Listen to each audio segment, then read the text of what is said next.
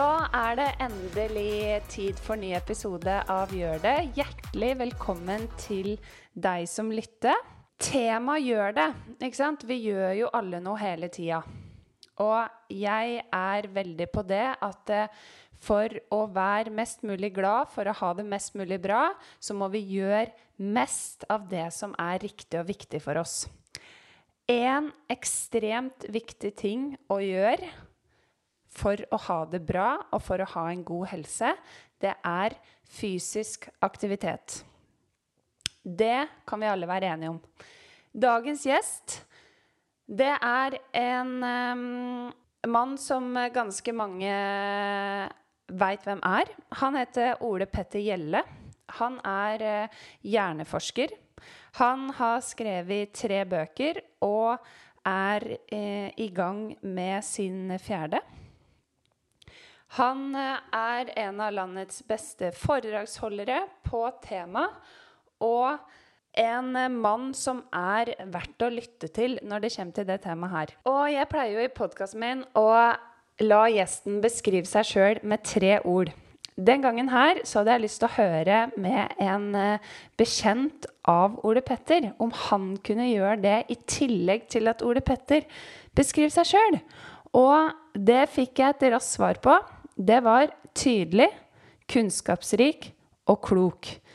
Ole Petter oser fornuft og tør å utfordre det etablerte på en måte som skaper økt forståelse og bevissthet.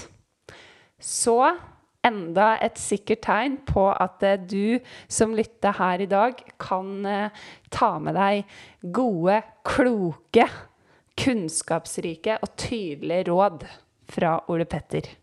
I dag så snakker vi om hva vi kan gjøre for å ta vare på helsa vår. Én ting er de anbefalingene vi har din, um, om fysisk aktivitet. Men kan alt være bedre enn ingenting? Så hvis du syns det er vanskelig og frustrerende å legge til rette for fysisk aktivitet i hverdagen din, så tror jeg at i denne episoden her vil du få noen eh, gode råd og ikke minst påminnelser om hvordan du kan gjøre det for å få litt bedre helse. Vi snakker jo òg om det med motgang. Og Ole Petter kommer inn på en eh, ganske Eller en veldig personlig historie og til og med for han, med all den kunnskapen, så var det i en periode umulig å klare å være fysisk aktivitet. Og her tror jeg du vil få um, skikkelig fine tips. Fordi vi møter jo alle motgang. Og viktigheten av å faktisk klare å komme seg ut når en står i det, det um, er ikke alltid lett å gjøre aleine, men uh, kanskje ved å um, høre denne episoden her, så blir det litt lettere for deg neste gang. God lytt! Velkommen til uh, eh, podkasten min, uh, Ole Petter. Tusen takk. Veldig hyggelig å få lov å komme, Barbro. Veldig stas at du har lyst til å være gjest. Jeg veit jo at du er en travel mann. Ja, men det, det, er vi vel de aller fleste av oss. Men det å være med på podkast, det, det, er veldig gøy. Jeg har jo en podkast selv også, så jeg mm. vet jo det er viktig å ha gjester når man mm. skal ha podkast. Veldig bra. Um, først så lurer jeg på, når var det du gjorde noe som betydde noe ekstra for deg sist? Første du kommer på? Oi, den var vanskelig. Det kan være noe stort, noe lite. Noe som bare ga deg en god følelse. Ja, nå ble jeg veldig svar skyldig. For uh, Når var sist gang jeg gjorde noe som Betydde noe ekstra for deg? Du var med på et sykkelritt, da? Ja.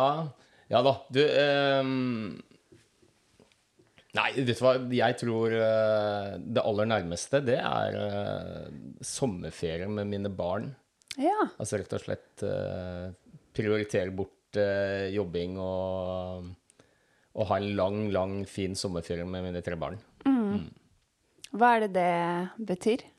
Du, sånn rent praksis, i, i, praksis så betyr det jo at det er full rulle fra morgen til kveld. Det er jo tre barn i sånn aktivitetsalder, 7, 11 og 14 år.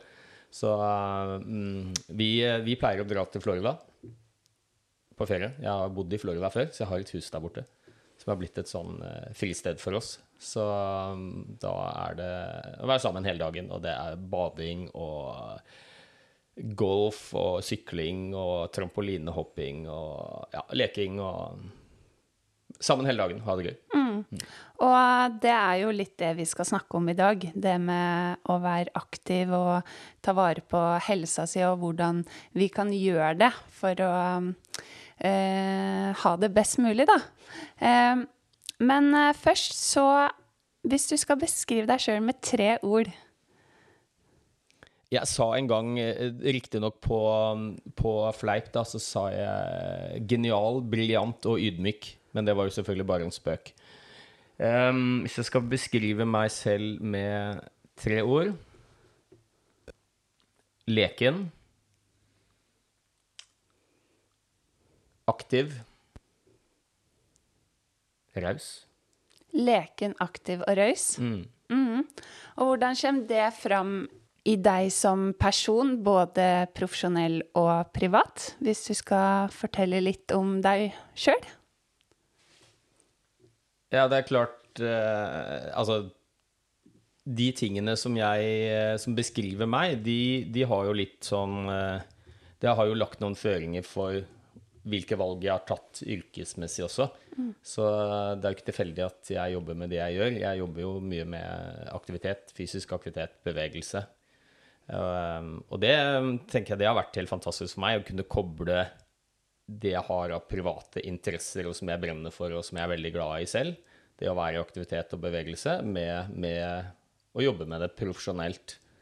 Så, um, så det, ikke, det, har vært liksom en rød en sånn ledetråd i mm. nesten alt det jeg har gjort. Da. Mm. Den det er en kombinasjon av fysisk aktivitet, og, og, også helse og det faglige rundt det. Mm. Hva er det som gjør at uh, du har valgt den veien? Det handler jo litt om det man er interessert i. Jeg har jo studert medisin, og der er det jo egentlig veldig lite om fysisk aktivitet og bevegelse. Det handler veldig mye om sykdom, det handler veldig mye om reparasjon og veldig lite om forebygging. Men uh, de siste 10-15 årene så har det blitt mer og mer fokus på hvordan det å bevege seg også påvirker ikke bare fysisk helse, men hjernen vår og mental helse. Og jeg har en doktorgrad i nevrobiologi som handler om eh, hjernen og eh, hvorfor hjernen vår blir syk osv. Så, videre.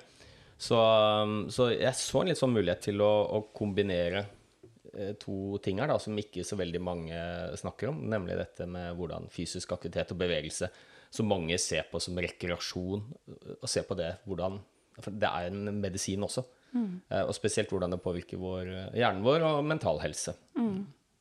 Det skal vi snakke om uh, i dag. Mm. Uh, for du er lege. Det er jeg. Ja. ja.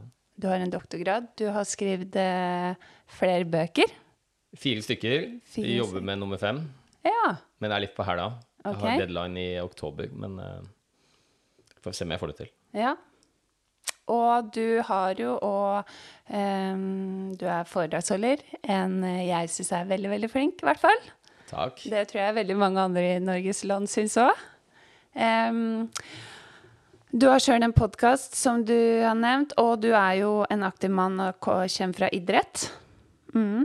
Hva har du drevet med der?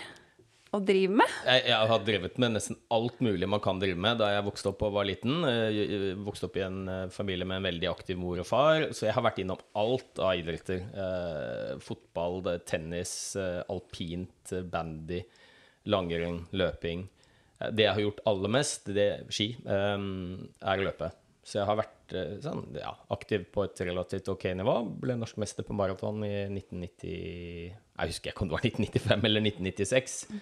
Um, så det har jeg drevet med. Og så i godt voksen alder så begynte jeg å hoppe fallskjerm. Ble veldig glad i det. Så jeg har vært uh, på landslaget i formasjonshopping. Og har vel noe sånt som 15 NM-gull og kongepokal og EM-bronse i fallskjermhopping. Det er veldig kult. Og du har akkurat tatt et NM-gull. Ja, akkurat vært NM i fallskjerm. Det er det jo en gang i året, da. I juli så har jeg vært i Jarlsberg flyplass i Tønsberg. Helt fantastisk. Og én gull og én sølv. Ja, så jeg har 7500 fallskjermhopp eller noe sånt. Det er veldig kult. Ja, så, men det jeg gjør aller mest av i dag Jeg er ikke noe, jeg er ikke noe ambisiøs med tanke på prestasjoner på idrett og sånt, men jeg, jeg trener stort sett hver dag. Eller jeg vil si så godt som hver dag. Jeg, og det er mest fordi at det gjør meg bra. Ikke sant? Da ble jeg en bedre versjon av meg selv, og det er jo bra. Ikke bare for meg, men de menneskene rundt meg òg. Så, så for meg nå er det liksom, liksom, for å begrense forfallet og ta vare på egen helse og rett og slett ha, ha det bra. Så jeg sykler og går på ski og løper og egentlig alt det som er mulig. Ja. Og det her skal vi jo snakke om, og vi skal også snakke litt om um, Jeg vil jo høre fra et faglig perspektiv, men jeg vil òg inn på kanskje litt av det private. Og, og du har jo den enorme kunnskapen du har, og du har en aktiv du har en aktiv oppvekst, så jeg vil tro at både for meg og deg så er jo trening og aktivitet det er jo helt naturlig del å få inn i hverdagen. Men det er jo liksom Jeg vil touche inn på Har du opplevd noe som faktisk det der har vært vanskelig å få til? Um, og jeg tror du har masse råd å komme med, men før vi kommer dit, da, til den derre motgangen, så hvordan står det til med eh, den norske befolkninga sin helse? Det er jo et veldig godt spørsmål, fordi det kommer litt an på hvordan du måler helse, da. Men eh, hvis du bruker noen av disse aller mest klassiske helseparametermålene som vi bruker internasjonalt for å kartlegge helse, f.eks. barnedødelighet, forventet levealder og sånt, så, så er jo den norske folkehelsa bedre enn den noensinne har vært. Eh, Vi har veldig lav spedbarnsdødelighet. Så godt som alle barn som fødes opp, de vokser opp og overlever fødsels- og første leveår. og Eh, og vi blir jo vi er vel noe sånn som 85 år pluss for kvinner og over 80 år for menn forventet levealder. Men det som vi ikke ser bak disse gjennomsnittstallene, er jo at folkehelsa i Norge er utrolig skjevt fordelt. Eller helse er skjevt fordelt. Vi har en god andel nordmenn som er i god form og tar vare på seg selv, spiser sunt, trener masse. Men majoriteten av nordmenn er inaktive eller har overvekt og fedme. Eh, og der er vi jo veldig bekymret for at konsekvensen konsekvensene av det de kommer jo ikke umiddelbart, men de har ikke hentet oss inn ennå. Så, så vi er jo bekymret for at eh, forventet levealder osv. faktisk begynner å kommer til å gå ned. Det har vi bl.a. sett i USA. Mye pga. overvekt, inaktivitet og diabetes type 2. Så eh, sånn kort opp, oppsummert så er de aller fleste nordmenn inaktive, beveger seg veldig lite i løpet av en dag. Det er uheldig for helsa. Det er uheldig for veldig mye annet også, livskvalitet blant annet. Eh, og så er det stor andel som har overvekt eller fedme. Og det er liksom vanvittige kostnader på dette. Individets kostnad er selvfølgelig at man blir syk, dårlig helse, dårlig livskvalitet.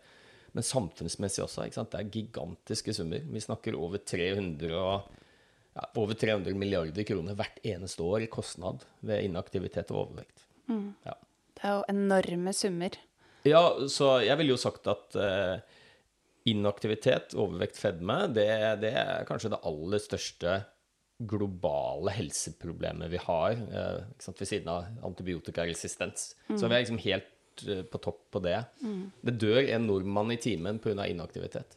Ikke sant? Det snakker vi nesten ikke om. Det snakker vi Altså ikke om. 24 nordmenn i døgnet i gjennomsnitt som dør hver, eh, hver dag, som kunne vært unngått eh, hvis man hadde beveget seg litt mer.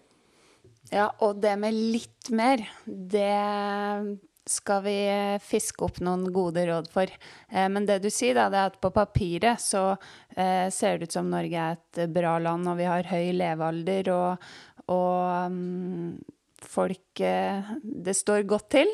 Eh, men hvis en går litt inn i det, så er det ekstreme skjevfordelinger, og, og saken er det at vi er eh, ganske utsatt. Ja, ikke sant? og jeg mener det står bra til med den norske folkehelsa, men det kunne stått mye bedre til. Og så er det jo også en ting her som ikke handler om levealder. Det er vi jo veldig opptatt av sånn statistikkmessig, for det sier mye om helse. Men eh, det som kjennetegner sykdomspanoramaet i Norge i dag, det er jo at de sykdommene som rammer oss, de dør vi ikke nødvendigvis av. Eh, Vi blir kronisk syke av dem. Tidligere så døde de fleste av infeksjoner. Du fikk tuberkulose, og så, enten så døde du, eller så overlevde du. I dag har folk hatt hjerneslag, de har hatt hjerteinfarkter, eh, de har kols, de har diabetes type 2. som de overlever, men har dårlig livskvalitet med og er kronisk syke i veldig, veldig mange år. Som selvfølgelig ikke er noe heldig for livskvalitet eller samfunnsøkonomi. Så vi kunne gjort ganske mye med ganske små grep for å få enda bedre helse og livskvalitet hos befolkningen. Hvorfor er det slik at vi er så inaktive? Ja, det er jo eh, million dollar eh, question. Det, det, det er komplekst. Um, Jeg tror det er flere ting. Eh, Hvis vi snakker om individet, så, så tror jeg at eh, Altså, hjernen vår den er utviklet gjennom flere millioner år med evolusjon. Eh, Men i bunn og grunn så er hjernen vår i dag relativt lik det våre første forfedres hjerne var på savannen. Og, og da var det jo sånn at vi beveget oss mye. Ikke fordi vi ville det eller var motivert for det eller skulle få badekropp eller god kondis. Vi, vi løp mye fordi vi måtte. Vi måtte løpe etter maten vår, fange vår egen mat, vi måtte flykte fra fiender. Vi løp fordi vi måtte for å overleve, og når vi kunne, så var vi inaktive. Vi var late for å spare på kaloriene. Så, eh, og det har jeg nok ganske mange evolusjonsbiologer med meg på også, at hjernen vår er laget for fysisk aktivitet når vi må, men latskap når vi kan, for å spare på kaloriene. Og den hjernen har vi fortsatt i dag. Forskjellen er jo at samfunnet har endret seg totalt. Vi trenger jo ikke bevege oss i det hele tatt. Du kan seile gjennom en helt vanlig hverdag nesten uten å bevege deg. Det går helt fint. For vi har biler, rulletrapper, heiser, elsparkesykler, fjernkontroller, robotstøvsugere. Så vi har laget et samfunn som er tilrettelagt for inaktivitet. Eh, Vi må ikke lenger bevege oss. Og når du da har en hjerne som er litt uh, i utgangspunktet vil at du skal bevege deg når du må, og være lat når du kan, så får du eh, det resultatet du gjør. Ikke sant? Og det, det har jeg virkelig fått bevist på sjøl nå, hvor faktisk inaktiv det går an å være. For jeg har det siste halvåret hatt min første um, faste 40% kontorjobb, hvor jeg da har gjort noen eh, forsøk da, og sett liksom antall skritt um, og sånn i løpet av en dag. Og det er på en dag på kontor, da. Og det er jo sånn rundt uh, 1000. Ja, ja. 2000 hvis en kjører bil og sitter på kontoret, går noen små steg. Altså det er helt ekstremt inaktivt, da. Ja. Eh, så du er nødt til å hele tida ha den der bevisstheten med deg. Ja. Ikke sant? Og det var jo sånn, Før i tiden så fikk vi mye gratis bevegelse. Vi hadde ikke alle disse hjelpemidlene som vi slapp å bevege oss. De fleste hadde fysisk aktive jobber, måtte bevege seg fra punkt A til punkt B på fritiden. Og vi fikk mye naturlig mosjon, bevegelse, eh, i løpet av en dag. I, dag så sitter jo de aller fleste av oss stille bak en pult og jobber. 80% av oss sitter stille mer enn åtte timer hver dag. Og det, stillesitting er like farlig for helsa som å være storrøyker. Mm. Og det er klart, da blir det mer utfordrende. Da er du tvunget til å være ekstra motivert og legge forholdene til rette for å få beveget deg utenom det som er naturlig i løpet av en dag. Altså det folk gjerne kaller å trene. Um, og det krever jo litt ekstra av folk. Så jeg har jo veldig tro på at hvis vi skal få flere til å bevege seg litt mer, så ville det vært fantastisk for folkehelsa. For individets helse så må vi gjøre det litt mer altså, Det jo ikke være treningsøkter, men beveg deg dit du skal.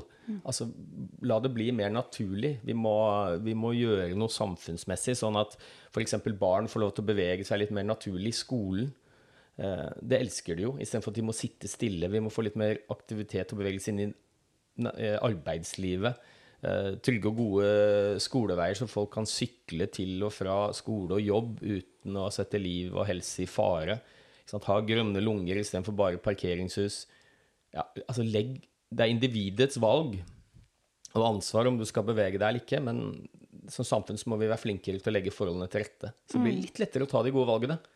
For alle vet jo hva de gode valgene er. Altså, Ja. Jeg har ennå ikke møtt en nordmann som sier 'Å ja, er det viktig å bevege seg?' 'Å, er det viktig å spise sunt?' Problemet er jo å få det til i hverdagen. Men hva er det, hva er det vi, Hvis vi skal gå litt bort fra trening først, da. Eh, trening kan jo være skremmende for mange. Men hva Så jeg mener at først må du starte med å hue den der bevisstheten på å faktisk skulle være mer aktiv. Men hva er det vi kan gjøre, da? Hva er det som er eh, nok? Ja, altså Hvor mye må til for at det skal hjelpe? ja. Ja, Det er jo det fine, vet du. For det er jo eh, I motsetning til legemidler, da. Kan ta et, eh, dra en liten parallell der. Vi har jo noe som heter doserespons, som betyr altså hvor mye må du gi av et legemiddel for at du skal få en gitt effekt. Og der ser vi jo at du må opp i en viss dose. Altså blir dosen for lav, eh, hvis du gir for lite av medisinen, så har den ingen, ingen biologisk effekt i, i det hele tatt. Men sånn virker det ikke å være ved trening. Det er ingen som har funnet noen nedre grense for når det hjelper. Og, og litt enkelt så kan man si at eh, jo mer du beveger deg, og jo mer sliten du blir, jo bedre er det for helsa. Men du får vanvittig gevinst ved å gjøre mye mindre også enn det myndighetene anbefaler. Så, og for noen Det kommer helt an på hvem du er. Er du en skrøpelig eldre person, så kan bare det å reise seg fra stolen og gå noen runder inn på stuegulvet ditt hver dag, ta noen enkle knebøy, eh, gå til postkassen, eh, spasere 500 meter til butikken, kan gjøre underverker for helsa di. Altså, det er bedre å løpe fire ganger fire intervall tre ganger i uka og trene ti timer i uka, men det er jo ikke for folk flest. Nei. Så jeg er veldig opptatt av å, å si at det er ingen som har funnet noen nedre grense. Um, absolutt alle monner drar. Og så er det dose-respons-forholdet det er ikke rettlinjet. Altså det vil si at hvis du, du får mye større gevinst ved å gå fra null timer til én time med bevegelse i uka, enn å gå fra én time til to timer. Du øker med én time begge steder, men jo mindre du gjør i utgangspunktet, jo dårligere utgangspunkt du har, jo større gevinst får du ved å bevege deg litt. Mm, ikke sant? Så, så absolutt alle monner drar, og så er det er helsegevinsten så å si uavhengig av hva du gjør. Så lenge du, du får opp pulsen og blir litt sliten. Så du kan sykle, svømme, danse, klatre, spille tennis. Altså selv aktiviteter vi ikke tenker på som trening. Eh, Jobbe i hagen, leke med barn eller barnebarn, hva det måtte være for noe. Ja. Gå, gå til butikken. Eh, Alt har en helsegevinst. Treneren min sa en gang eh, når jeg gikk på ski, at hjertet ditt veit ikke hva du trener når du skal Nei, trene er- det. det- det er Hjertet veit ikke hva du gjør. Nei, mm og det viktigste er jo da å finne noe du trives med, som alt annet i livet. Ikke Hvis du ikke trives med ting, så blir du ikke fornøyd, og du klarer ikke å holde fast ved det veldig lenge. Mm. Så, og jeg pleier å si det at hater du å løpe, for guds skyld ikke løp. Mm. Gjør noe annet. Ja. Du kan gjøre nesten hva som helst. Ja. Mm.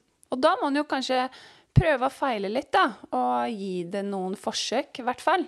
Eh, Istedenfor å påvirkes av eh, hva alle andre gjør og sier og sånn. Løping ja. er lett, det, men hvis du hater det, så er det ikke bærekraftig i lengden. Nei, det er det ikke. Og så er det nok mange som lar det perfekte bli den godes fiende. Altså at man leser kanskje at myndighetene har jo anbefalinger 150 til 300 minutter i uka, litt avhengig av hvor mye du sitter stille i hverdagen. Eh, Det er liksom anbefalingene. Mm. Og og får du ikke til det, så defineres du statistisk sett som inaktiv. Det er jo litt urettferdig. For du, hvis du klarer 100 minutter i uka, eller 90 eller 60, så er det jo veldig bra, det òg. Men det er ikke like mye som det myndighetene anbefaler.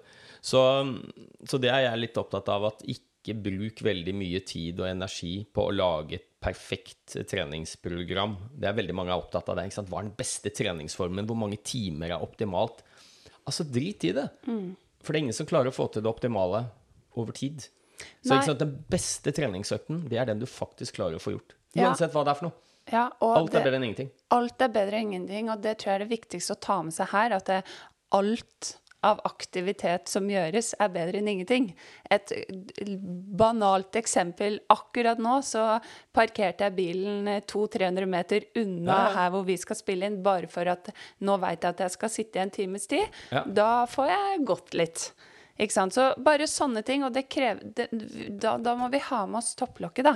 Ja, ja. Eh, men det trenger ikke å gjøre så vanskelig. Og så tenker jeg det at eh, treningsprogrammet er fint og flott hvis du motiveres av det, men, men jeg ville heller sagt sånn Finn deg en eller to eller noen personer som kan støtte deg i den derre påminnelsen om å være aktiv, da. Ja, heller det- det enn fancy treningsprogram. Ja, og det er jo et av mine andre tips, i tillegg til å finne noe man trives med, er jo å gjøre det sammen med noen du trives med. Så hvis du har noen eh, du gjør disse tingene sammen med, om det er en spasertur om morgenen, eller en sykkeløkt, eller en tenniskamp, fotballkamp, hva det måtte være for noe, det blir mer forpliktende. Du dobler sannsynligheten din for å faktisk å få gjennomført en bevegelsesøkt hvis du har en avtale med noen. Samme hvem det er. Mm. Kollega, venn, venninne. Ja. Ja. Ehm, hvordan du som eh, beskriver deg sjøl som leken, ja. hvordan, eh, hva slags lekne tips har du til en eh, aktiv hverdag? For folk flest, familier? Ja, et lite tips kan jo være um, noe jeg har jobbet litt med Jeg har jobbet som fastlege i veldig mange år, og en av de spørsmålene jeg ofte stilte pasientene mine når vi hadde god tid, da begynte å snakke litt om livskvalitet og bevegelse og viktigheten av det, så spurte jeg dem når var sist gang du gjorde noe for første gang. Og da blir jo veldig mange veldig svar skyldig. De kan ikke huske når de gjorde noe for første gang. For det, man gjør stort sett det samme hver eneste dag. Alt er rutinemessig. Så det å være litt leken og finne på nye ting, det er, for det første er det jo veldig gøy. Eh, Men for det andre så er det veldig beskyttende for hjernen vår. Det å utfordre seg selv, gjøre ting du kanskje ikke er vant til. Så en liten sånn greie kan være å lære seg nye ting eh, hver måned.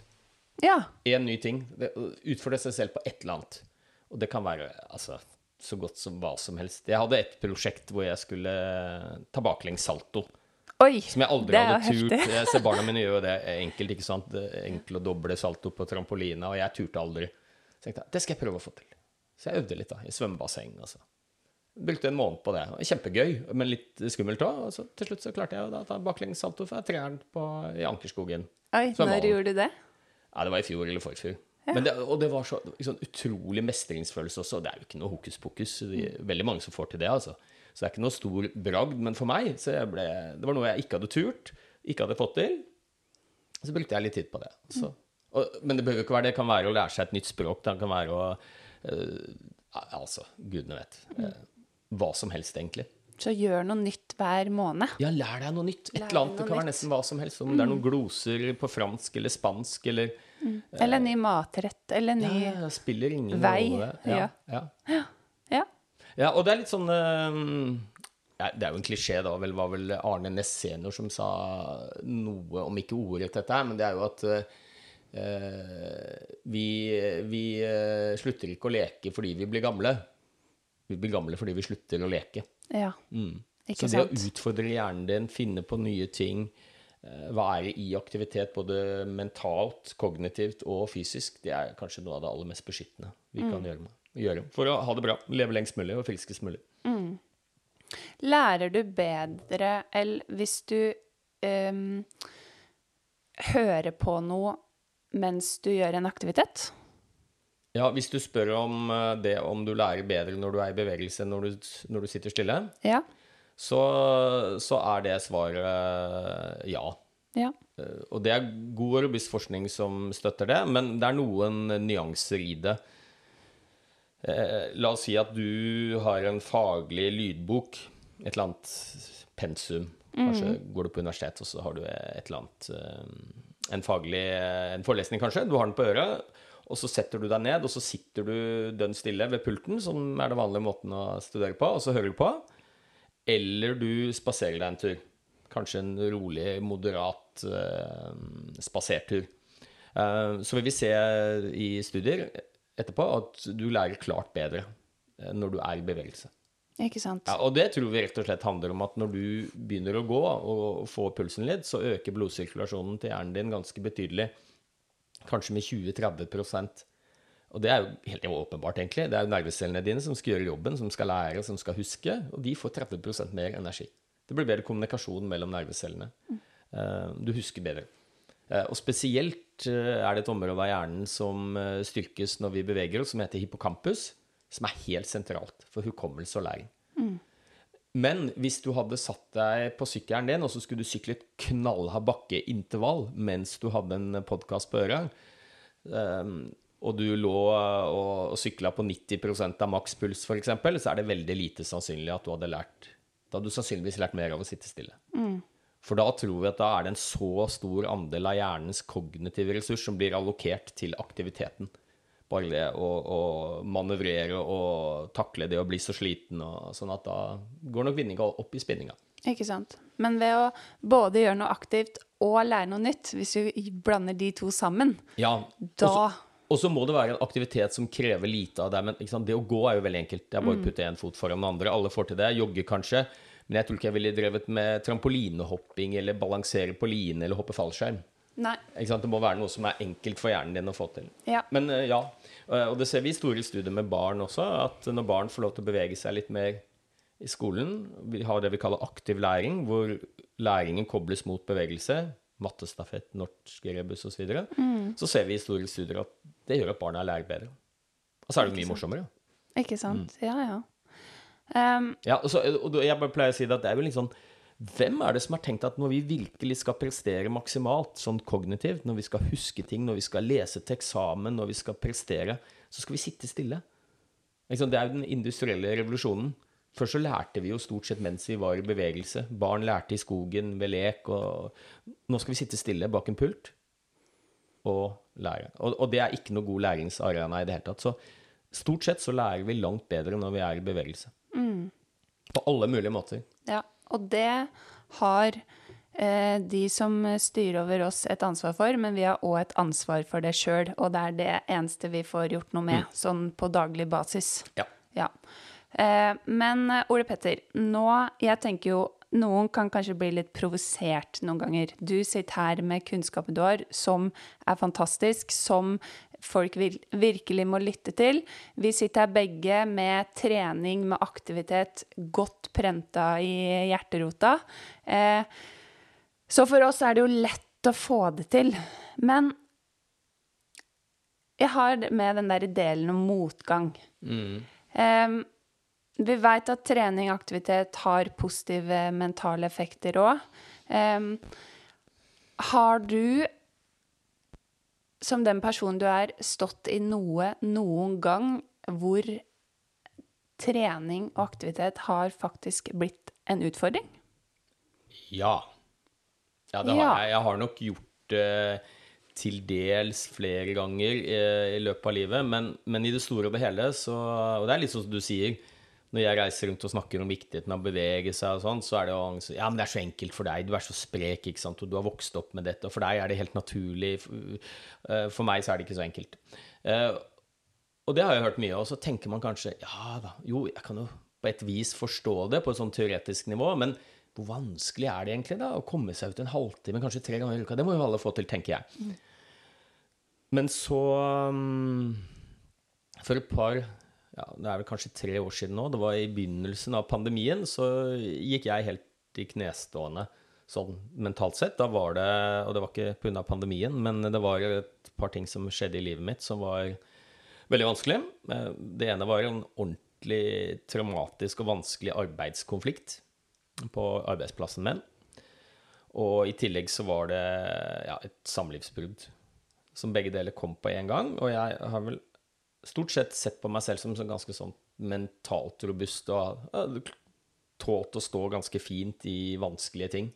Stort sett eh, hele mitt liv. Og vært, jeg har vært gjennom noen traumatiske ting som jeg har taklet egentlig ganske bra, syns jeg. Eller som, som jeg har taklet. Eh, Men her gikk jeg helt, helt i knestående, og, og jeg vil ikke si det så langt som at jeg, eh, jeg husker jo en del Hadde ekstremt mye sånn tankekjør og negative tanker og frykt for framtiden rundt denne arbeidskonflikten, samlivsbrudd. Eh, husker jeg gikk og la meg på kvelden, og det var jo aldri noe sånn at jeg tenkte at jeg ikke hadde lyst til å leve lenger, men jeg gikk og la meg på kvelden og tenkte at hvis jeg ikke våkner i morgen tidlig, så er det helt ok.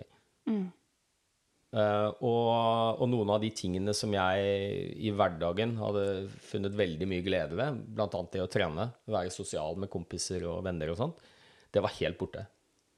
Eh, og, og, og det var en litt sånn rar periode. Jeg ble jo sykemeldt fra jobben min som fastlege eh, og fikk eh, depresjonsdiagnose. Men eh, jeg jobbet litt allikevel. Eh, det eneste jeg gjorde, var at jeg reiste rundt og holdt litt foredrag. Ja. For det følte jeg mestring ved. Det, og det var sånn, da satt jeg ikke og grubla. Da må du være fokusert. Og, så det var litt terapi for meg. Så jeg reiste rundt og holdt foredrag, og ironisk nok så holdt jeg veldig mye foredrag om mental helse. Viktigheten av å komme seg i bevegelse og, og være i aktivitet når du står i stormen, når ting er vanskelig. Du, du tok på deg hatten. Jeg tok på meg hatten, og jeg husker veldig godt Jeg ble introdusert eh, på ett sted, og det var en av liksom lavpunktdagene mine i hele denne perioden. Jeg følte meg bare så elendig. Det var vanskelig å komme meg ut av senga. Men jeg hadde jo en avtale. Jeg skulle holde foredrag, så jeg kom meg dit. Jeg husker jeg måtte bli kjørt av en kompis. Jeg orket ikke å kjøre selv. Og så står jeg der, så skal jeg på scenen, og så er det en som sier Å, nestemann, han gleder vi oss til å høre. Han er lege. Han er hjerneforsker. Han er norskmester på maraton. Han er prisbelønnet forfatter, Norges beste formidler. Velkommen! Og så tenkte jeg, fy fader. Du blir haussa opp som en sånn supermann, og jeg følte meg altså bare helt ræva. Og jeg følte meg jo som en sånn svindler. Jeg sto der og fortalte hvor viktig det var å bevege seg. Spesielt når ting er litt vanskelig i livet. Så hadde jeg ikke på tre måneder fått det til sjøl. Mm, på tre måneder. Ja, det var, ja, det det var tre måneder hvor jeg nesten ikke beveget meg. Og nå snakker vi om at jeg gikk fra å trene kanskje en time hver dag, som jeg hadde gjort store deler av mitt voksenliv, kanskje til og med enda mer, til å ikke orke å gjøre noe som helst. Ikke sant? Så, Og, og det, det var jo en hel fri... Og det var litt sånn jeg, jeg tenkte med meg selv at jeg vet på et rasjonelt plan at det er viktig for meg å bevege meg. Jeg behøver ikke å løpe eller sykle, men jeg får komme meg ut og bevege meg litt, gå en tur. Men jeg klarte altså ikke å få det til. Den dørstokkmila ble så jækla lang, og det var jo veldig overraskende for meg. Og, men en sånn veldig fin Smertefullt, men også en veldig fin anerkjennelse. Og det å anerkjenne at, vet du hva Det er ikke så lett. nei. Du Eh, fikk så- den erfaringa eller opplevelsen. Ja, altså, det, det er jo lett når du, ting legges til rette, og du er motivert, og livet går på skinner og sånn, men det gjør jo ofte ikke det, da. Eh, så, så jeg som aldri hadde møtt den der dørstokkmila um, Problemet med å komme meg ut. Jeg klarte det altså ikke på tre måneder. Ikke sant? Og det livet går opp og ned. Vi skal alle møte motgang, og vi møter alle motgang i større og mindre grad. Eh, hva var det du gjorde eh, for å komme deg opp fra bøtta? Ja, hva jeg gjorde for å komme meg opp av bøtta? Nei, jeg gjorde flere ting. Um, det ene var at jeg var ganske åpen om det med menneskene rundt meg. Altså både familie og, spesielt venner. Ja. Så jeg har mange gode, nære venner som jeg brukte som samtalepartnere. Mm. Og bare det å få snakket gjennom ting og fått litt perspektiv for andre og sånn, det var nyttig. Og så var det selvfølgelig tid. Tid leger de fleste sår, så gradvis gikk jo disse tingene seg til. Altså disse, her var det jo to veldig sånn eksterne hendelser. Og du aksepterte det, anerkjente det, som du sa? Ja, ehm, men noe av det viktigste jeg gjorde, var at jeg klarte å komme meg litt eh, aktivitet igjen. Ja. Uh, og det, det jeg gjorde, var rett og slett at jeg ringte mine beste venner som bor i nærheten. Og det var til og med folk Altså, jeg bodde jo halvannen time fra Oslo, men det var, plutselig så møtte det kompiser opp på døra fra Oslo, sånn u, ubedt, som hadde skjønt at det, ting var vanskelig, og sa 'Ole, nå skal vi gå en tur'. Så ja, jeg ringte rett og slett venner og sa vet du hva, jeg trenger å komme meg ut. Nå har jeg det ikke så bra, eh, men jeg klarer ikke å få det til på egen hånd. Kan ikke du komme ned? Altså? Kom til meg klokka sju, og så går vi en tur. Og hvis jeg sier nei, det kommer jeg sikkert til å gjøre, så drit i det. Jeg skal ut. Tving meg ut. Så startet jeg altså med enkle ting. Vi spaserte fem minutter og småprata. Så ble det ti minutter. Så ble det 15 minutter. Og så, ja, gradvis over noen måneder så klarte jeg å begynne å sykle litt og småjogge litt og komme meg i aktivitet. Ja, ikke sant? Og det der er sånn Igjen det der med å være åpen og faktisk fortelle om situasjoner, um, eller situasjonene han står i, og det å tørre å be om hjelp og støtte uh, i vanskelige ting, da. Um, det Det er et veldig godt råd. Ja, og vi, der er vi jo. Der er det jo også litt sånn kjønnsforskjeller. Det vet jeg veldig godt etter å ha jobbet som fastlege. Kvinner er stort sett mye flinkere, Ja. bedre til å be om hjelp når ting er vanskelig. Uh, og jeg, nå generaliserer jeg også litt med vilje, for det er selvfølgelig store individuelle forskjeller, men mens vi menn har litt større tendens til at dette her skal vi lide med selv. Dette skal jeg lide i det stille. Um, som er fryktelig tøft. Så Ja, det aller meste blir bedre hvis vi bare får lov til å snakke om det. Og det er jo ikke sånn at du, du snakker med noen fordi at de skal gi deg et svar eller noe fasit på hva du skal gjøre for noe. Det er terapi bare å snakke om det. Mm. Og få noen til å lytte. Altså, De behøver ikke å komme med noe råd, behøver ikke å si noe som helst. Bare være der Ja. eh, og høre på deg og anerkjenne det du sier. Ikke sant. Kjempeviktig. Og uansett motgang eller ei, da, her går det jo igjen det med at litt er bedre enn ingenting. Du begynner, du kommer deg opp, noen står og får deg med ut, du går en tur på fem minutter, sjøl om du har trent hele livet, at det er nok da å bygge deg gradvis opp. Og det gjelder om en skal i gang med aktivitet for første gang, om en står i motgang, hva som helst da. Og, og, og er du litt usikker på hvordan du skal komme i gang, og hva som er lurt å gjøre og sånt, eh, og jeg tenker hvis du, hvis du sliter mentalt mm. Depresjon er noe 50% av oss får en eller annen gang i løpet av livet. Og vi snakker i veldig liten grad om det Eh, og jeg skulle jo ønske at det var like naturlig å fortelle folk at du er deprimert, som at du har en dårlig menisk. Ja. Det er ingen som, altså Folk kan med stolthet nesten fortelle om hjerteinfarktet sitt og menisken de ødela, eller akilleshælen de røk, og ingen som stusser over det. Men, men, vi er veldig redde for å snakke om depresjon. At det, det forteller noe om en svakhet i karakter, eller sånn. Men sånn er det jo ikke i det hele tatt. Hvem som helst av oss, hvem som helst, altså, kan mm. bli deprimert Eh, deprimert en eller annen gang i løpet av livet. Mm. Så um, sliter du med det, du har vært nedstemt over lengre tid, uh, ikke finner glede ved aktiviteter du tidligere fant glede ved, gå til fastlegen din. Mm. Det kan være en start. Ja. ja. Eh, veldig gode råd der. Eh, vi skal oppsummere. Ja. Eh, du forteller at det er eh, folk i Norge som dør av inaktivitet hver eneste dag. Eh, mange av oss er aktive. Veldig mange er ikke aktive nok. Vi kan gjøre ekstremt mye for forebygging, og det vil eh, spare samfunnet for eh, veldig mye penger. Og eh, oss for eh, mest sannsynlig flere leveår. Eh, og ting vi kan gjøre da Alt er bedre enn ingenting. Trening, få opp pulsen, er kjempefint, men det å eh, gjøre bevisste valg i hverdagen hver eneste dag eh, med å være aktiv. Det er viktig. Ekstremt viktig. Mm. Er du enig? Helt enig. Ja. Um, er det noe mer du vil oppsummere?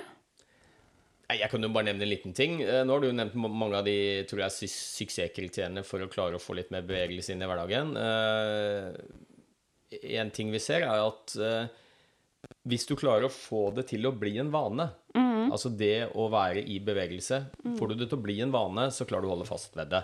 En, en automatisk no handling. Ja, en, en, vane er jo noe hvor du bruker så godt som ingen mental energi. Det er helt naturlig for deg å gjøre det. Det er ikke noe slåsskamp inni hjernen din hvor det er én stemme som sier 'Å, nå hadde det vært bra å gå ut og trene', mens en annen sier 'Å, men du er jo sliten etter jobb', kanskje er det best å sette seg i sofaen og slappe av' en vane er noe vi gjør på autopilot. Um, og, og, for at ting skal bli en vane, så bør vi gjøre det ofte. Så det jeg pleier å si, er at uh, hvis du vil at den gåturen din, eller joggeturen din, eller sykkelturen din, eller hva det måtte være for noe, skal bli noe du skal holde fast ved, så gjør heller litt hver dag. Mm. Det er bedre å gjøre litt hver dag enn litt mer noen få ganger i uka. Mm. Så har du 90 minutter til rådighet, eller si 70 da, for å gjøre det enkelt. Hvis du tenker at jeg skal trene 70 minutter i uka, mm. og det skal jeg fordele på to økter. To økter av 35 minutter. Så er det større sannsynlighet for at det blir en vane å være i aktivitet 70 minutter hvis du gjør 10 minutter hver dag. Ikke sant? Ti mm. minutter hver dag. Og jeg tror òg det at veldig mange er sånn at um, har store krav om det å skulle glede seg til hver eneste økt, og, og, at alt skal bli så fint og flott. Jeg tror at det er ganske hardt å melde. At det er ikke hver dag det er fristende å skulle ta den økta eller å skulle gå ut i de x antall minutter, men det å gjøre det likevel. Ja. Du må gjøre det likevel ja, ja. for å få det til en vane. Både du og jeg er glad i å trene, og du er sikkert enig med meg at det er ganske mange ganger i løpet av et år hvor du tenker at nå hadde det vært mye deiligere å sette meg ned i sofaen enn å ta på seg det treningstøyet. Men du gjør det likevel. Og et triks på å få til det uh, tror jeg kan uh, Et triks som jeg har brukt ofte da, med pasientene mine, men som også funker for uh, de av oss som er glad i å trene mye, det er jo å lage en avtale med deg selv og si at vet du hva jeg skal Så og så mange ganger i uka så skal jeg ut og bevege meg. Men hvis jeg ikke trives etter fem minutter, så skal jeg bare snu og gå hjem igjen. Mm. Altså Du gir deg en retrettmulighet. Og bare det å vite det, eh, det gjør at terskelen for å komme deg ut er litt lettere. Du vet at nei, etter fem minutter, hvis jeg ikke syns det er ok, så kan jeg bare snu. Mm. Men det som skjer, og det skjer jo så godt som alle, er jo med en gang du kommer ut, så er vi genetisk kodet til å like å være i bevegelse. Vi skiller ut masse kjemiske stoffer som gjør at vi føler oss bra, så det er jo så godt som ingen som snur. Så, så, så, jeg pleier å si det at hvis du ikke gleder deg til å gå ut og trene, så er du helt normal. Men ta heller og fokuser på å glede deg til å ha trent. Mm. For der tror jeg de aller fleste tenker det føles så godt. Når var sist gang du angret på en treningsøkt? Så eh, jeg sier som en kompis av meg pleide å si, han sa jeg er ikke så veldig glad i å trene, men jeg er veldig glad i å ha trent. Ikke sant. Så, og, husk det neste gang også. Neste gang du har gjort et eller annet så du har blitt skikkelig sliten, om det er gå en tur i fjell, eller jogget en tur, eller syklet en tur, kjenn på den følelsen du har med en gang du er ferdig. Og så tenk at den skal jeg huske. For det er den jeg er ute etter. Ja. Så om du ikke gleder deg til selve treningsøkten, så kan du glede deg til å ha gjennomført den. Glede seg til gjennomføringa er eh, til at det er gjennomført. Em, jeg spør jo alltid gjesten om hun kan gi et gjør det-råd til lytteren. Eh, jeg vil jo kanskje foreslå om det gjør det-rådet skal være kom deg ut uansett og gi deg sjøl den slacken på at du har mulighet til å gi deg etter fem minutter. Ja, det ja det, det kan det gjerne være. Eller, eller rett og slett at uh, absolutt alle måneder dra. Ikke vær redd for å legge lista for lav, altså lavt. Yes. Fordi at sant, og det er noe sånn som Hvis målet ditt er å komme deg ut fem ganger i uka Jeg har en del pasienter som sier det. Så klarer du ikke fem. Du klarer tre. Så er jo tre veldig bra. Men du har sendt et signal til hjernen din om at du har mislykkes. For målet var fem, du klarte bare tre. Men hvis målet ditt er to, og du klarer tre, så oppleves det helt annerledes. Du har trent akkurat like mye eller lite, men det, oppleves som en seier og gir mestring. Så absolutt alle måneder drar. Ikke vær redd for å legge lista lavt. Nydelig. Da satser vi på at etter denne episoden her så blir eh, enda flere eh, nordmenn eh, eh, får det aktivitet som en vane. Tusen takk for eh, tida di, Ole Petter. Tusen takk for meg. Veldig fint. Ha det.